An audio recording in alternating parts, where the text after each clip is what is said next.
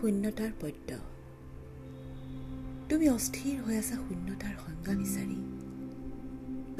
শুনা এটা কাম কৰা। এখন কাগজ লৈ তাতে আঁকা এটা শূন্য। তাৰ পাছত ছবিখন চোৱা আৰু তাৰে পৰাই বিচাৰা তুমি বিচৰা সংজ্ঞাটো। পাইছানে? উকা কাগজত ৰেখা বোলাই তুমি যিখন ছবি আঁকিলা পূৰ্ণিমাৰ জোনজনী হৈ তোমাৰ দাপোনত যিপূৰ্ণ সিনো বাৰু কেনেকৈ শূন্য হ'ব পাৰে আউসীৰ দৰে? কুঁৱলীৰ ছবিখন শূন্যতে বাৰে বাৰে বিলীয়মান। পোহৰৰ ৰেখাৰে পৰিপূৰ্ণ ৰূপত আকৌ উজলি উঠে যি। তৃতীয় চকুৰে বহু আগেয়ে শূন্যতাক তুমি দেখিছিলা জানিছিলা বুজিছিলা আৰু বাৰে বাৰে ৰোমন্থন কৰিছিলা শূন্যতাহীনতাৰ কথা।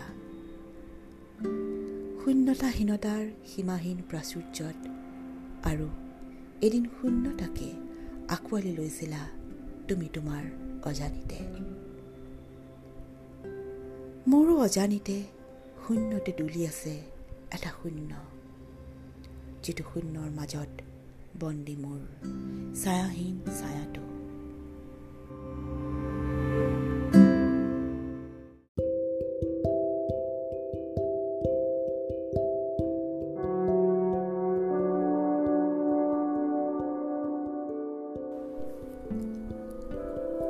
Life ultimately means taking the responsibility to find the right answer to its problems and to fulfill the tasks which it constantly sets for each individual.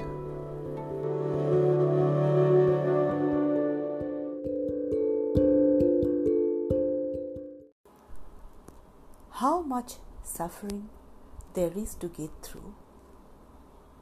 Rilke spoke of getting through suffering as others would talk of getting through work. There was plenty of suffering for us to get through. Therefore, it was necessary to face up to the full amount of suffering, trying to keep moments of weakness and furtive tears to a minimum.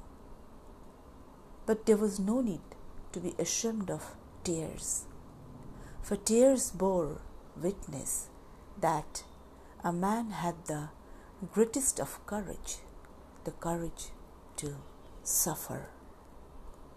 Only very few realized that.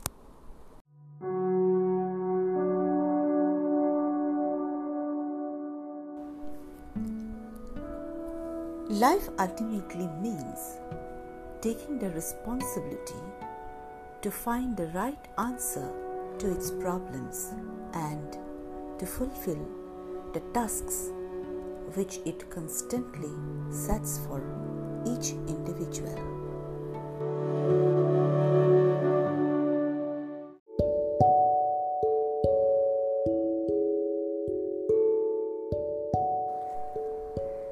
When a man finds that it is his destiny to suffer, he will have to accept his suffering as his task, his single and unique task.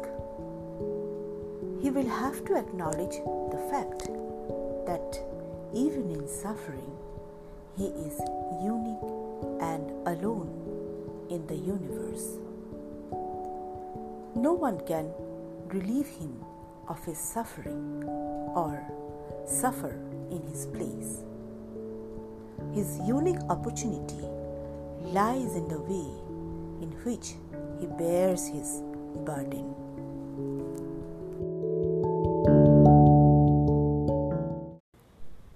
পিয়াহত সি পানী বিচাৰিছিল পিয়াহত সি পানী বিচাৰিছিল দিয়া হ'ল মদ সি ঢলি পৰিল বেলি উঠাৰ আগেয়ে সি উঠে। বেলিৰ আগে আগে দৌৰে। ৰ'দে বৰষুণে তাৰ ৰ'দৰ খালী। ছালভুজা নিমখ দিয়া লাল চাহ পানী। শিৰিষৰ ছাঁত অলপ জিৰণি। বেলি ডুবাৰ আগে সি ওলতে হাতত সেউজীয়া পাত লৈ আহে। পুনৰ পুনৰ পিয়াহত সি পানী বিচাৰে। দিয়া হয় মদ। নিশাৰ ঘন আন্ধাৰত সি ঢলি পৰে। সি অনা সেউজীয়া পাতবোৰ যে নিশাৰ ভিতৰতে সোণ হৈ গৈ সি গমকে নাপায়। শূন্যতাৰ পদ্য। তুমি অস্থিৰ হৈ আছা শূন্যতাৰ সংজ্ঞা বিচাৰি। শুনা এটা কাম কৰা। এখন কাগজ লৈ তাতে আঁকা এটা শূন্য।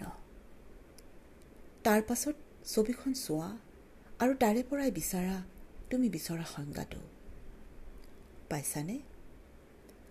উকা কাগজত ৰেখা বোলাই তুমি যিখন ছবি আঁকিলা পূৰ্ণিমাৰ জোনজনী হৈ তোমাৰ দাপোনত যিপূৰ্ণ সিনো বাৰু কেনেকৈ শূন্য হ'ব পাৰে আওঁসীৰ দৰে? কুঁৱলীৰ ছবিখন শূন্যতে বাৰে বাৰে বিলীয়মান। পোহৰৰ ৰেখাৰে পৰিপূৰ্ণ ৰূপত আকৌ উজলি উঠে যি